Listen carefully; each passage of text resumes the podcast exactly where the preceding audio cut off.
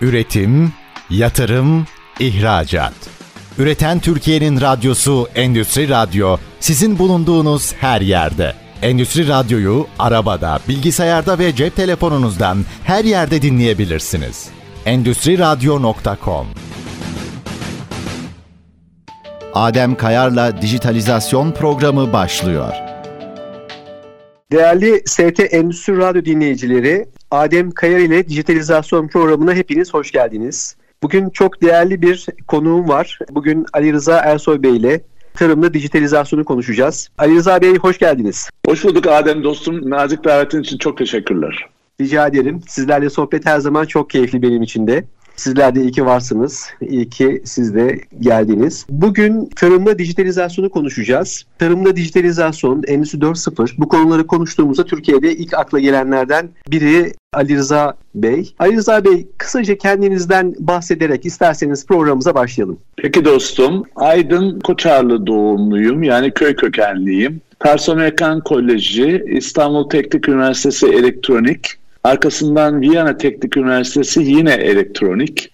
Yani aynı konuda iki lisans gibi bakabiliriz ama Viyana Teknik Üniversitesi'nde asistanlık, eş zamanlı ve master yani yüksek lisans ünvanını da kazanmak diye bakarsak boş harcamış zaman değildi.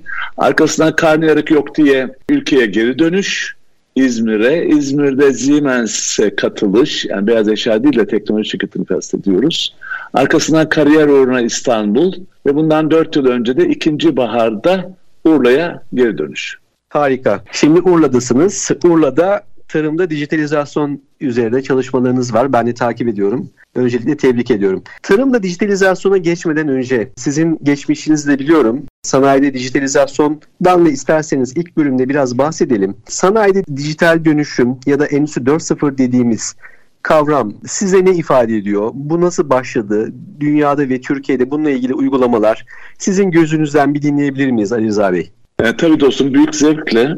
Kendimi çok şanslı hissediyorum çünkü dünyada bu dördüncü sanayi devrimi yaşanırken Almanya menşeli olduğunu hepimiz biliyoruz ve Almanya'da takımlar kurulurken mensubu olduğum şirkette temsilcileri oradaydı. Bir kısmı arkadaşımdı. Dolayısıyla daha ilk günlerden sahip olduğum pozisyonu şansı olarak e, takip etme şansım oldu. Kısaca şöyle, 2010'lu yılların başında ilk kez insanlık tarihinde ve sanayi dünyasında Doğu ülkelerinin toplam sanayi üretim hacmi Batı ülkelerinkini geçti. Tabii bu Batı'da çok ciddi bir paniğe sebebiyet verdi. Yani zamanında gittiniz oralara fabrikalar kurdunuz, ucuz iş gücünü kullandınız.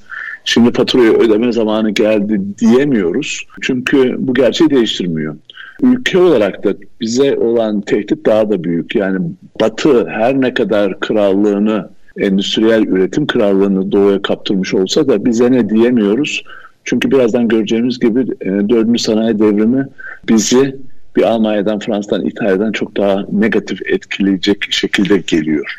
İlk defa 2011'li yıllarda Almanya'da e, yani ne olacak biz nasıl tekrar eski şanlı şerefli günlerimize geri döneceğiz muhabbeti başlayınca bir takım kuruluyor. 40-50 kişiden oluşan. Dediğim gibi içinde mensup olduğum şirketten arkadaşlar da var. Bunlar bir yıl boyunca e, uyumadan çalışıyorlar. Ve 2013 yılına geldiğimizde Almanya ben kendi sanayimi 3.0'dan yani ilk önce imalat sanayini kastediyor. 3.0'dan yani fully automated bir dünyadan 4.0'a yani fully digitalized bir dünyaya geçirmeye karar verdim. Karşı karşıya olduğum tehdidin üstesinden gelmek için ve bunu yol haritama hazırladım. Buyurun okuyun bakın e, adını da dördüncü sanayi devrimi koydum diyor. Ondan hemen sonra bir 10 ay kadar sonra biz Türkiye'de şirkette büyük bir basın toplantısı düzenliyoruz ve diyoruz ki ey ülkem birinci sanayi devrimini birkaç yüzyıl, ikinci sanayi devrimini 100-150 yıl, üçüncü sanayi devrimini 40-50 yıl ıskaladık. Ne olur gelin şimdi şu dördüncü sanayi devrimini ıskalamayalım diye gerçekten Almanya'dan sadece 10 ay sonra ülkemizde paylaşıyoruz. Ama bugün geriye dönüp baktığımızda çok net görüyoruz ki ülkemiz dördüncü sanayi devrimini kesinlikle ıskalamıyor diyeyim şimdilik durayım. Harika ıskalamıyoruz gerçekten de bu konuda çok güzel çalışmalar da var. Bu arada Ali Rıza Bey ben de bir araya gireyim. Şöyle bir şey yaptım ben de programın boyunca. Bizi izleyip takip eden değerli dinleyicilerimize programın sonunda bir anahtar kelimemiz var. Onu paylaşacağım. Bu anahtar kelimemizi Instagram hesabımdan benim Adem alt çizgi MCS'den gönderen değerli dinleyicilerimizden bir kişiye dijital dönüşüm kitabımızı adresine kargo ile göndereceğiz. O yüzden bunu da programın başında bir hatırlatmak istiyorum. Lütfen dinleyicilerimiz programımızı takip edip anahtar kelimeyi de not alırlarsa en son söyleyeceğimiz kendilerine bir dijital dönüşüm kitabımızı hediye edeceğiz. Şimdi dijital dönüşüm dediğimizde siz de bahsettiğiniz dünyada böyle bir süreç başladı. Türkiye olarak da biz de bu süreci yakaladık, uyguluyoruz birçok uygulamada sanayi tarafında. Burada sizce Türkiye'nin avantajı ve dezavantajı tarafından bakarsak avantajları neler, dezavantajları neler ve şu anda hangi durumdayız? Sizin gözünüzde nasıl görünüyor şu anda? Evet, çok güzel soru Adem. Sizler yıllardır geçiverdiğiniz 10 yıla yakın süredir aslında bu çizgi üzerinde ülkeye çok ciddi katkı yapıyorsunuz. Hem kişisel olarak hem şirket olarak hem de ekosistemimiz olarak. Yani bunu da yani burada söylemeden geçmeyeyim. Avantajlara geldiğimizde zamanında bir türlü geçemediğimiz Viyana e, kapılarından yine zamanında bir türlü geçemediğimiz Çin Seddi'ne kadar olan coğrafyada gözümüzün önüne getirdiğimizde dördüncü sanayi devrimini ve onunla beraber gelen dörtle başlayan bütün devrimlerde en yüksek potansiyelli toplum bizim toplumumuz görünüyor. Bu hani böyle işte şirin gözükmek için söylenmiş sözler değil bunlar. Gerçekten birazcık yakından bakarsak Rusya'ya bakıyorsun 15-20 milyar euroluk sanayi üretim var. Yani sanayi yok neredeyse. Ee, İsrail evet. tamam önde koşuyor falan filan teknolojik olarak ama ölçek çok küçük. Mümkün değil. E, kim var başka? Hindistan dersek sanayi üretim gerçekten çok geride. Yazılımda tamam çok ciddi yol aldılar ama sanayide aynı şekilde değil. Dolayısıyla gerek genç nüfusu, gerek batıya olan çok grift ilişkileri yani ticari anlamda ve ekonomik anlamda batının ayrılmaz bir parçası olarak baktığımızda toplumumuza ve her şeyi çok yakından takip ediyor olması biraz göçebe ruhumuz, risk almaktan acayip keyif almamız, başaramazsak ertesi gün tekrar sabahtan başlayabiliyor olmamız gibi bizi bizi biz yapan, bu toplumu biz yapan kabiliyetler Endüstri 4.0'ı en erken, en hızlı, en yaygın uygulayabilecek toplum olarak bizi gösteriyor. Buna sadece e, böyle iyi niyetli değil, aynı zamanda e, muhtacız da. Niye? Dünyada hepimizin bildiği gibi geçmişte olmayan orta sınıf oluşuyor. Afrika'da mesela değil mi? Hindistan, evet. Pakistan, Afganistan değil mi? Bunlar evet. ayakkabı giymiyorlardı. Bunlar dişlerini fırçalamıyordu. Bunların diş macunu ihtiyacı yoktu. Ama bu hızla gelişen orta sınıf bunları kullanabilir hale geldi. Peki bu coğrafyada hani Viyana ile Çin Seddi arasındaki coğrafyada kim üretecek?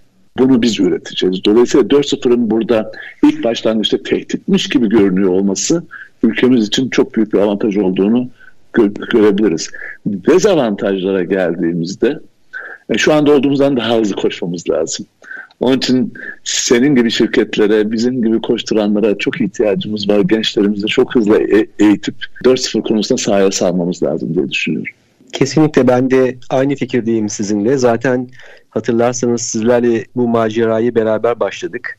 Çok da yol kat ettik. Sizin de çok katkınız oldu Türkiye'ye, Türkiye pazarına. Endüstri 4.0'ı anlattık. Şimdi gerçekten de dediğiniz gibi genç nüfusumuz, zeki olmamız, interaktif olmamız, hızlı karar vermemiz. Bugün dünyaya baktığımız zaman da birçok örneklerde de gayet iyi gidiyoruz, iyi yol alıyoruz. O konuda benim de ümidim tam. E, Türkiye olarak biz sanayide dijital dönüşümü, Endüstri 4.0'ı dünyaya güzel projelerle, güzel örneklerle yansıtacağız ve bunlarla ilgili güzel değerler elde edeceğimize ben de yürekten inanıyorum. Şimdi dijital dönüşüm dediğimizde tabii dijital dönüşüm çok genel bir kavram. Ve farklı sektörleri uyguladığımızda bunun ismi değişiyor. Biz sanayi dediğimiz tarafta Endüstri 4.0'ı konuşuyoruz. Sanayide dijital dönüşümü konuşuyoruz. Diğer tarafta lojistikte yine Endüstri 4.0 ile ilgili uygulamalar var. Bir de tabii tarım şu anda hepimiz için çok önemli olan bir kavram. Bu konuda sizin tarımla ilgili yaptığınız çalışmalar var. İsterseniz yavaş yavaş tarım kısmından da başlayalım. Dijitalizasyon ve tarım dediğimizde ne anlıyoruz? Ee, Adem büyük zevkle, büyük bir tutku e, ve inanılmaz keyifli. Endüstri 4.0'ın 2012'li 13'lü yani yaklaşık 10 yıl öncesi dünya sahnesine çıkmasıyla imalat sanayinin dijitalleşmesinin erken başarısı nasıl diğer bütün ülkelerin dikkatini çektiyse diğer bütün sektörlerin de ilgisini çekti. Çünkü gerçekten çok hızlı bir başarı yakalandı. Ve bunun sayesinde lojistik 4.0, eğitim 4.0, hatta sağlık 4.0, hatta hatta sanat 4.0 gibi yani artık çağımızda içinde heykelin resmin olmadığı tamamen dijital ürünlerle sanat eserleriyle donanmış sanat evleri açılıyor. Dolayısıyla her sektör kendi isminin sonuna bir 4-0'ı koyarak dördüncü devrimi sembolize etme başarısını gösterdi. Bu son derece akıllıcaydı çünkü herkese ayrı ayrı anlatmak gerekmiyordu. 4-0'ı koyduğun anda aha dijitalleşme. Tamam evet. anladık. Hadi bakalım evet. şimdi ne yapacağız noktasına. Hiç ciddi pazarlama masraflarına girmeden tık diye konuyu atlama şansını sundu. Tarımın dışında kalamazdı. Tarım da konuya atladı. Daha önce precision farming yani hassas tarım diye tercüme edebileceğimiz veyahut da smart agriculture yani akıllı tarım diye tarif edebileceğimiz işte Hollanda'nın, İsrail'in, Yeni Zelanda'nın öncü davrandığı akımlar 4.0'ın cazibesi sayesinde agro4.o yani Tarım 4.0 adı altında birleşti. Ne zaman? İşte geçtiğimiz 5-6 yıllık bir süreçten bahsediyoruz. Çok taze, çok yeni. İnsanlık tarihi gözüyle bakarsan son saniye. Peki ne vaat ediyor Tarım 4.0? Aslında Endüstri 4.0'ın tarifleyen 10 kadar teknolojinin işte dijital twinlerden başlayıp nesnelerin internetinden, büyük veri ve analizinden, bulut teknolojilerinden gibi tarif ettiğimiz teknolojilerin tamamını tarımda kullanabiliyoruz. Tarımın tarifini tam yaparsak hemen aklımıza toprak falan geliyor ama yanlış. Toprak üstü ve toprak altı, su üstü ve su altı yani nehirler, denizler, göletler, okyanuslar. Sanat ve bilim, sanat kısmına atlıyoruz genelde. Sanat ve bilimin uygulandığı alan gözüyle bakmamız lazım. Böyle olunca imalat sanayinde kullandığım bütün teknolojileri ben aa toprakta da kullanabiliyormuşum, aa suda da kullanabiliyormuşum noktasına geldi dünya. Sadece gelmekte kalmadı, çok hızlı gelişmeler var. Tek yaptığımız şey dijital bildiğimiz teknolojileri şimdilik yapay zeka kapıda bekliyor. O da geldiğinde muhtemelen tarım 5.0'dan başlıyor veya da konuşuyor olacağız. İyiyim durayım şimdilik.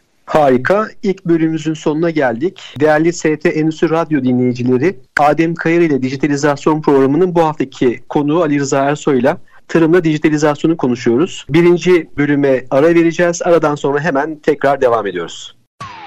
Üretim, yatırım, ihracat. Üreten Türkiye'nin radyosu Endüstri Radyo sizin bulunduğunuz her yerde. Endüstri Radyo'yu arabada, bilgisayarda ve cep telefonunuzdan her yerde dinleyebilirsiniz. Endüstri Radyo.com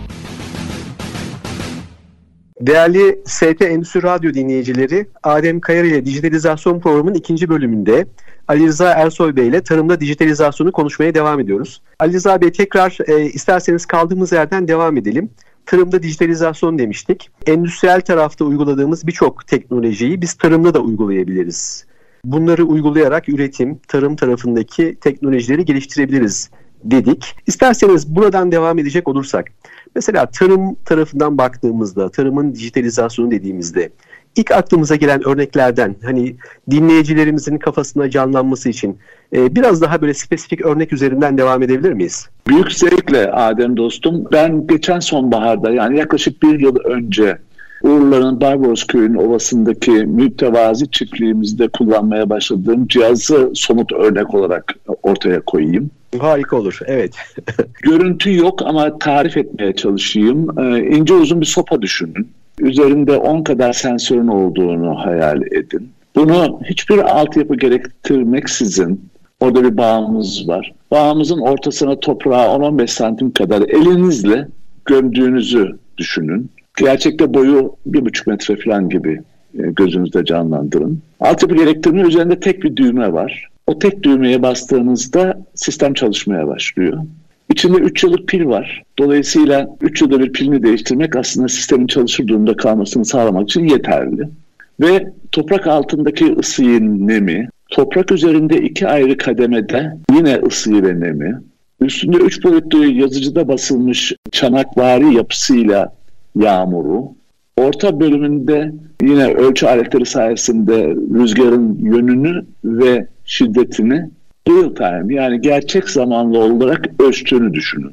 Evet. Ve bu topladığı dijital veriyi, veriyin bir sıfırlardan bahsediyoruz. Bunu bir cep telefonu şirketi sistemi üzerinden buluta, yani bulut deyince bilmeyen arkadaşlarım için dünyanın bir yerinde serverlar var. Nerede olduğunu bilmiyorsun, bilmen de gerekmiyor. Fabrikanın tek bir kabloyla bağlıyorsun veya da burada olduğu gibi cep telefonu hattı üzerinden buluta aktarıyorsun. Bulutta yazılımlar, algoritmalar var. Ve bu yazılımlar, algoritmalar cihazdan gelen, bu arada cihazın adı Filiz. Filiz Pro ikinci versiyonu. Cihazdan gelen veriyi işleyerek bilgiye dönüştürüyor. Yine gerçek zamanlı yapıyor çünkü ölçüm gerçek zamanlı. Yani saat başı, haftada bir, ayda bir değil. Her an ölçüyor. Harika. Evet. Aynen. Ve her an ölçülen ve bilgiye dönüştürülen bilgi benim 10 saniyede indirdiğim cep telefonundaki aplikasyona geliyor. Örnek. Bu akşam sulama. Bitti. Evet. Şimdi neden? Çünkü e, meteorolojiden haberi aldı. O gün yağmur yağacak. Sadece ya toprağın nemi zaten yeterli. Bravo. Bravo, bravo, bravo. Her ikisi birden. Hatta diğer para, parametrelerde. Çünkü buluttaki yazılım, örneğin bağımızda Cabernet, Merlot ve Shiraz üzümleri var. Dijital kütüphanelerin tamamına ulaşıp hangi mevsimde ne miktarda suya ihtiyacı olduğu falan filan gibi e, konulara da ulaşabiliyor meteoroloji bilgisinin yanında. Ve zaman içinde o bağla ilgili büyük veriyi oluşturacağı için yani birkaç sene içinde aslında dışarıda daha az bilgiye ihtiyacı olacak. Kendi kendine karar verebilir hale gelecek. Ve eğer ben bir elektronik mühendisi olarak bizler için bunlar çocuk oyuncağı. Sulama sistemimi doğrudan doğruya filize bağlarsam sulama konusunda bana yani çiftçiye ihtiyaç kalmayacak.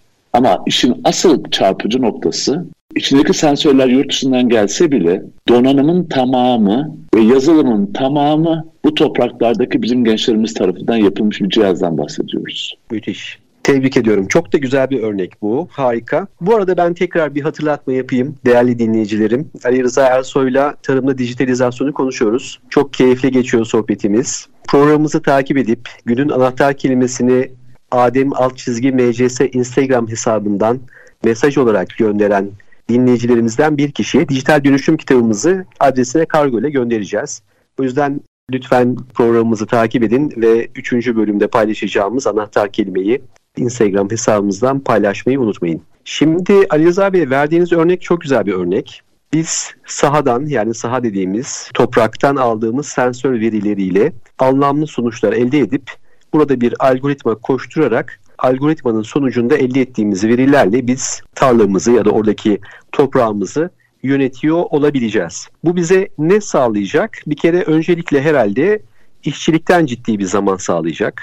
Bizim öngöremediğimiz birçok datayı direkt olarak doğru adresten almış olacağız. Verdiğiniz örnekteki gibi sensör direkt toprağın nemini ölçtüğü için bizim tekrar bir daha sulamaya ihtiyacımız olmayacak. Ertesi günü yağmur yağacaksa meteorolojiden bu haberi aldıysak tekrar fazladan bir sulama yapmamızı engellemiş olacak. Aslında baktığımız zaman tarım yapan bizim çiftçilerimize de ciddi bir değer de katmış olacak değil mi? Bu taraftan bakarsak da ekonomik olarak da ciddi bir gelir de elde etmiş olacak bu sistemleri kullanan değerli çiftçilerimiz. Çok doğru Adem dostum ama bu konunun aslında en minimal bölgesi. Çok daha ciddi tehditlerle karşı karşıyayız. Gerek ülkemiz olarak gerekse gezegende yaşayan insanoğlu olarak. İklim değişikliğinden bahsetmemize gerek yok değil mi? Hepimiz biliyoruz. Evet. Ee, Fransa, Fransa geçtiğimiz 80 yılın en sıcak yazını yaşadı. Bunun gibi yüzlerce örnek var. Her gün yeni bir örnek. Bakın bu mevsim oldu daha kış gelmedi gibi. Bu bir. İkincisi asıl tehdit sahada, toprakta veya denizde çalışan insanlarımızın azalıyor olması. Eğer gazete haberleri doğru ise 2021 yılında sadece bir yılda 75 bin çiftçi belgesini iade etti. 500 binli rakamlardan ki onlardan bir tanesi de benim, devletimin verdiği mavi kaplı cüzdanım var. Kamu beni çiftçi olarak tanıyor. Benim gibi 75 bin kişi bıraktı. 500 binli rakamlardan 400 binli rakamlara geldik. bunu bu, bu, bu, bu, düşünmek bile istemiyorum bundan sonra. Evet. Keşke bu olsa sadece. Yine bir şekilde üstesinden gelebilirdik belki. Ama asıl ölümcül darbe değişik kaynaklar değişik rakamlar veriyorlar ama ortalaması 57 civarında. Şu anda elinde çapayla tarlada veya suda tarım yapan insanlarımızın yaş ortalaması 57 civarında. 3 sene sonra yok. Hadi çok çalışkanlar bir 5 sene daha hani 65 yaşına kadar daha çalışmaya göze aldılar diyelim ki bu, bu mümkün. 8 sene sonra Türkiye'de çiftçi yok. Akıl almaz bir şey. İnsanın inanası gelmiyor. Ama gerçeğin ta kendisi. Mutlaka ve mutlaka bunu dünyaya da uyarlayabiliriz. Ama şimdilik kendi ülkemizde kalalım. O zaman ne yapacağız? Başka bir şeylere ihtiyacımız var. Yani bilgiyi o amcadan, dededen gelen bilgi yok artık.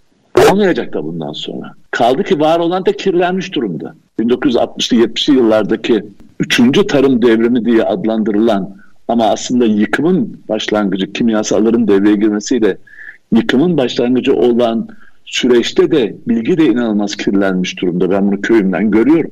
Dolayısıyla yerine bir şey koymamız gerekiyor ve şu anda koyabileceğimiz tek bildiğimiz şey umarım birkaç yıl içinde yeni pencereler açılır ama şu anda bildiğimiz tek şey tarımın dijitalleşmesi yani dördüncü tarım devrimi. Evet bu dedikleriniz gerçekten çok kıymetli bilgiler. Hepimizin gıdaya ihtiyacı var. Hayatımızı sürdürebilmek için gıdasız, sebzesiz, meyvesiz yaşama şansımız yok. O yüzden tarım gerçekten aslında hepimizi çok ilgilendiriyor. Burada o zaman demek ki tarımla ilgili bizim dijitalizasyon tarafını yapacak çok işimiz var. Burada uygulayacağımız teknolojilerle biz minimum insanlığı ne kadar fazla üretimi yapabilirsek aynı şekilde sanayide düşündüğümüz kavramları tarım içinde o zaman e, en kısa zamanda uygulamanın yollarını herhalde aramak zorunda kalacağız gibi görünüyor bu anlattığınız bilgilerden. Aslında gördüğün gibi bir hobiden veyahut da hani canımız yeni heyecanlar istiyor tadından çok uzak bir şeyden bahsediyoruz. Pandeminin ilk zamanlarını hatırla. Evet. İlk önce tuvalet kağıtlarına saldırdık. Sanki en gerekli malzeme oymuş gibi. Arkasından makarnaya saldırdık aç kalmaktan korktuk. Evet. Ve bu korku çok gerçekçiydi. Evlerimizi makarna doldurduk. Yani bugüne kadar tukaka ettiğimiz tarım, ya ne olacak abi işte inek, tezek diye tukaka ettiğimiz tarımı pandemi sayesinde ki ben pandemi yaş çok pandemi şey öğrendik değil mi pandemiden hepimiz hem de nasıl hem de nasıl yani evet. her sektördeki dijitalleşme çabalarının nasıl hızlandığını her sektörde sektör bağımsız Artı Doğru. tarımda tarımda şunu bize çok net gösterdi pandemi. Yani inanılmaz bir kazanç. Neredeyse sıfır maliyet. İnanılmaz kısa zaman bir sene iki sene max ve bütün dünya değişti. Niye? Aç kalmaktan korktuk. Çünkü gerçekle yüzleştik. Daha önce sadece konuşuyorduk hatta konuşmuyorduk bile. Ama şimdi yüz yüze kaldık. Dolayısıyla pandeminin çok ciddi bir katkısı oldu. Tarım 4.0'ın gündemine pat diye girivermesi e, sayesinde. Artı şurası artık çok net hale geldi ki geleceğin en prestijli mesleği çiftçilik, geleceğin en stratejik konusu ülkeler açısından bakarsak en stratejik konusu tarım olacak. Saatlerce tartışabilirim. Kesinlikle. Kesinlikle katılıyorum size. Değerli dinleyicilerim, bugün tarımda dijitalizasyonda Ali Rıza Ersoy Bey ile sohbetimiz devam ediyor. Çok keyifli sohbet ediyoruz. Ben çok keyif alıyorum. Şimdi bir kısa bir ara vereceğiz. Aradan sonra tekrar devam edeceğiz. Dinlemeye devam edin bizi. Üretim, yatırım, ihracat. Üreten Türkiye'nin radyosu Endüstri Radyo sizin bulunduğunuz her yerde. Endüstri Radyo'yu arabada, bilgisayarda ve cep telefonunuzdan her yerde dinleyebilirsiniz. Endüstri Radyo.com Değerli ST Endüstri Radyo dinleyicileri, Adem Kayar ile dijitalizasyon programına kaldığımız yerden devam ediyoruz. Bugün çok değerli konuğumuz Ali Rıza Ersoy Bey ile tarımda dijitalizasyonu konuşmuştuk. Kaldığımız yerden devam ediyoruz. Ali Rıza Bey tekrar merhabalar. Selamlar tekrar. İlk iki bölümde Endüstri 4.0'ı konuştuk. Dijital tarımdan bahsettik. Bu son bölümümüzde dijital tarım ile ilgili hem ülkemizde hem de dünyadaki gelişmelerden bahsedebilir misiniz? Tabii ki büyük zevkle Dünyadan hatırlarsan bir 10 senelik veyahut da işte maksimum 10 senelik bir geçmişi olduğunu, isim değiştirdiğini, tarım 4.0'a gelindiğinden bahsetmiştik. Peki ülkemizde ne oldu bu geçen zaman içinde baktığımızda? Ben 6-7 yıldır ilgilendiğimi zannediyorum ve o dönemde e, özellikle startuplar yani genç girişimciler dünyasında, ekosistemde neredeyse hiçbir şey yoktu. Yani alan bomboş duruyordu ve büyük üreticilerimiz de yani tarım ve gıda üzerine büyük üreticilerimiz de çok ilgisiz görünüyorlardı. Evet. Veyahut da ilgi duyuyorlardı ama, ama ortalıkta yoktu bir şey. Fakat o kadar hızlı ve güzel gelişti ki e, şu anda tarımın ve gıdanın ekosistemini belirleyen internet sitesi şirketleri olan arkadaşlarımız var. On, onlar çok yakından takip ediyorlar. Ben de onları takip ederek sürekli olarak bilgileniyorum. 150'yi aştı paydaş sayısı. Yani birkaç yılda. Kim Harika. bunlar? Bol miktarda startup var. Genç girişimci gruplar var ama sadece onlar değil. Benim de olduğum gibi melek yatırımcılar yani dijital tarıma yatırım yapmaya heveslenen ve yapan melek yatırımcılar var. Biraz daha büyük ölçekli olduğu takdirde sermayeye ortak olarak e, girmek isteyen büyük yatırımcılar yani küçük yatırımcı değil büyük yatırımcılar var.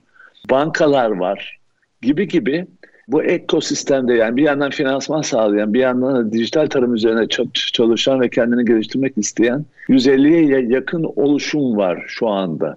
Ve bu rakamın eksponansiyel olarak artmasını bekleyebiliriz. Geçen ilkbaharda yine Urla'dan bir arkadaşımızla, Belçikalı arkadaşımız e, Patrick'le beraber biz e, küçük çiftliğimizde bir accelerator yani hızlandırma programı yapmaya heveslenmiştik. Uluslararası yapalım demiştik. Balkanlar, Türkiye ve Orta Doğu'yu kapsasın demiştik. Arkadaşım Avrupa Birliği projeleri gerçekleştirdiği için yöntemleri ve ulaşmayı gayet iyi biliyordu. Ve ama dedik konu çok geniş kısaltalım konuyu yoksa çok başvuru olacak dedik. IoT'ye karar verdik. Yani Internet of Things yani nesnelerin interneti tarımda nesnelerin interneti kullanan startupların 10 tanesini seçelim. Onlar e, başvursunlar. Çok sayıda başvuru geleceğine emindik. 40-50 civarında başvuru bekliyorduk. 10 tanesini seçelim. Bu 10 tanesini masraflarını karşılayacak şekilde biz e, çiftliğimizde gençleri bir hafta boyunca ağırlayalım.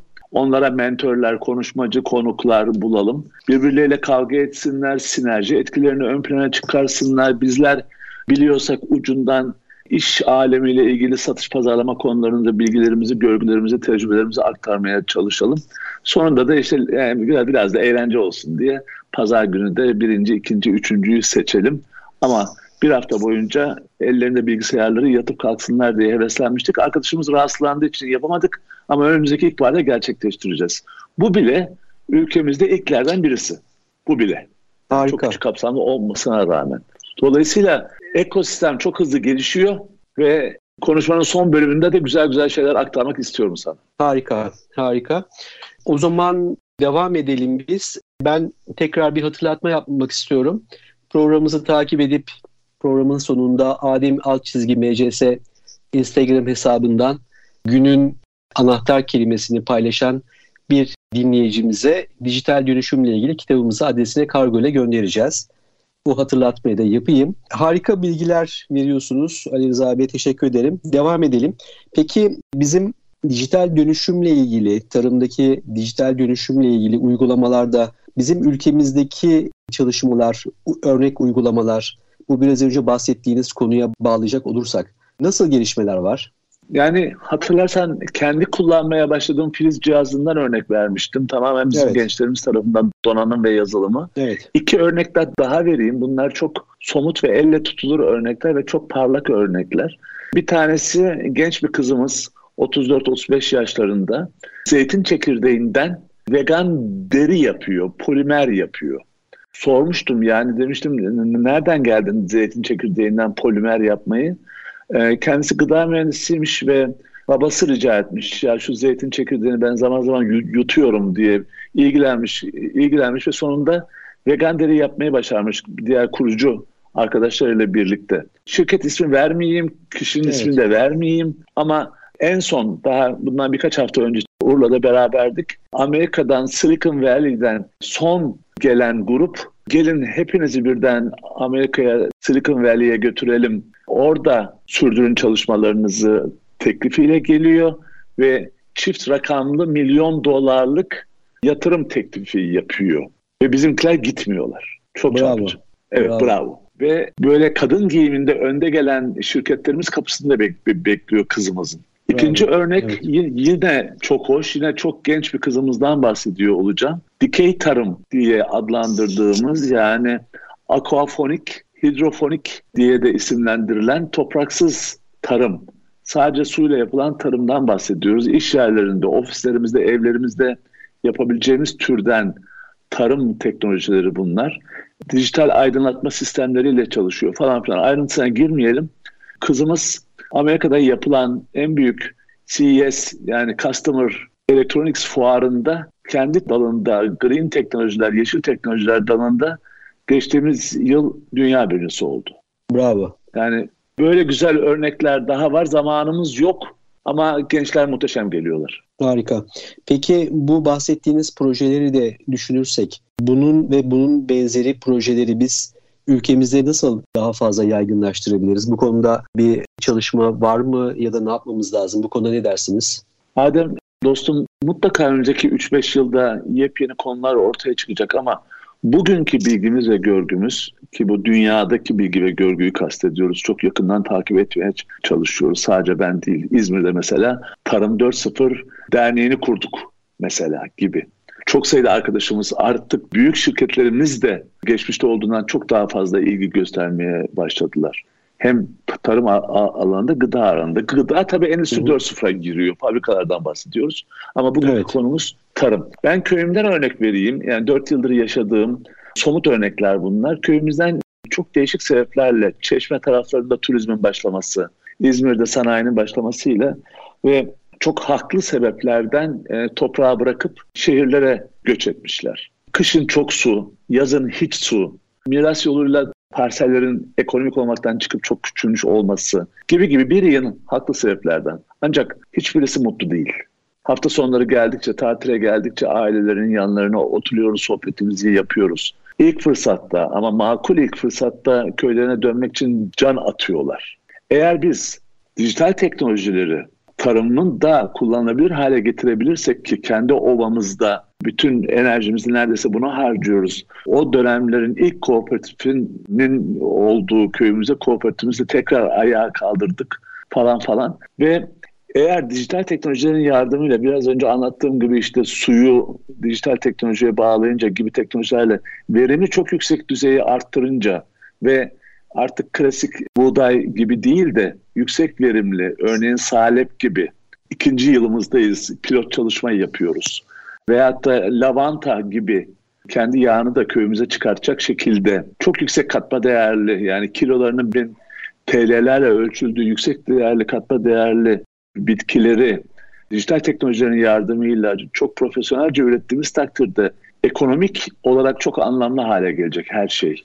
Ve bu gençlerimizin tamamının şu anda boş duran topraklarımıza geri döneceğine eminim.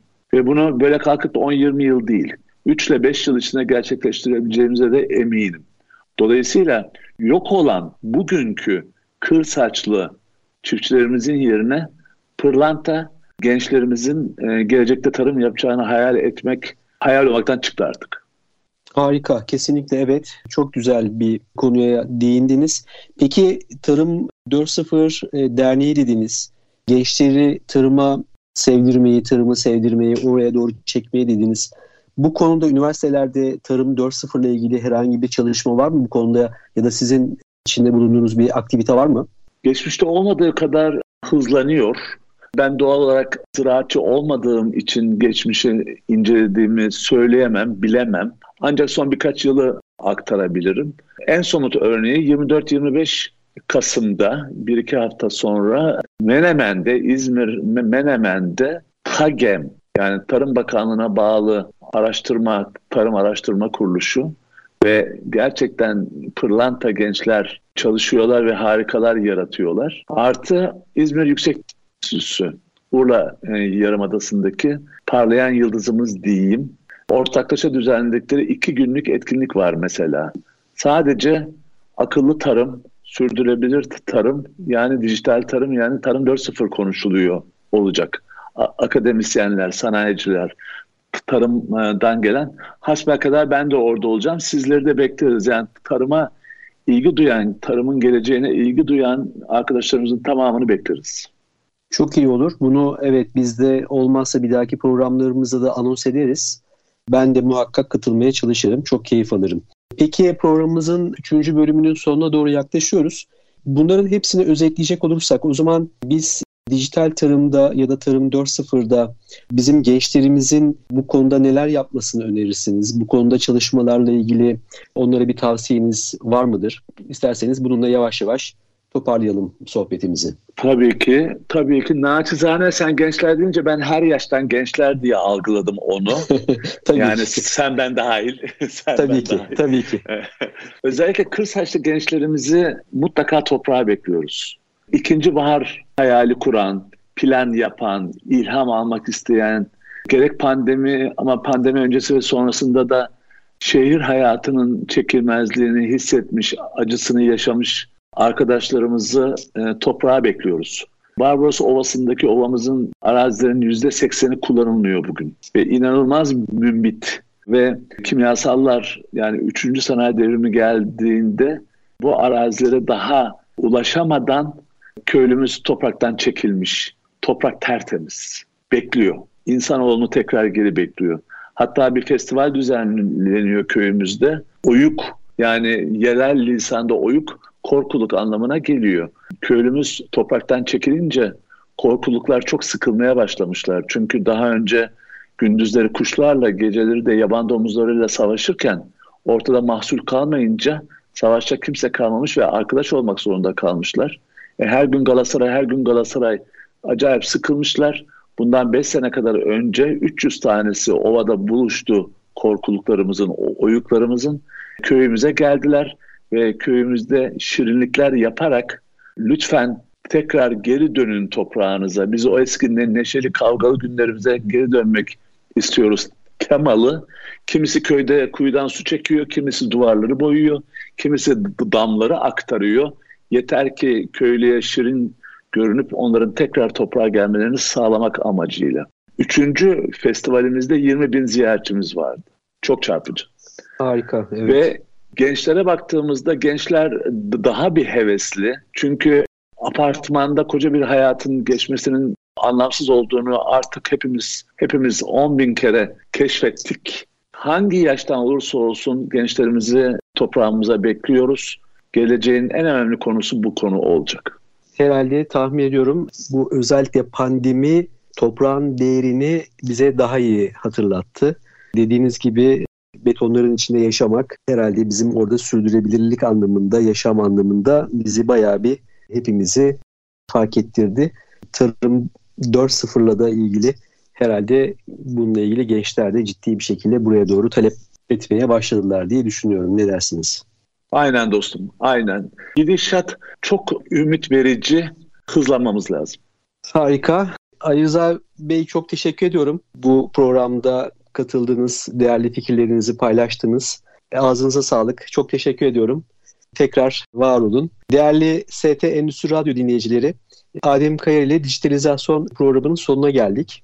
Bugün tarımda dijitalizasyonu konuştuk Ali Rıza Bey ile. Umarım hepinize çok faydalı bilgiler kazanmıştır. Ben şahsım adıma çok güzel bilgiler edindim. Bugünkü programımızda anahtar kelimemiz tarımda dijitalizasyon tarımda dijitalizasyon kelimelerini Adem alt çizgi MCS Instagram hesabına mesaj olarak gönderen bir kişiye dijital dönüşüm kitabımızı adresine kargo ile göndereceğiz. Hepinize sağlıklı günler diliyorum.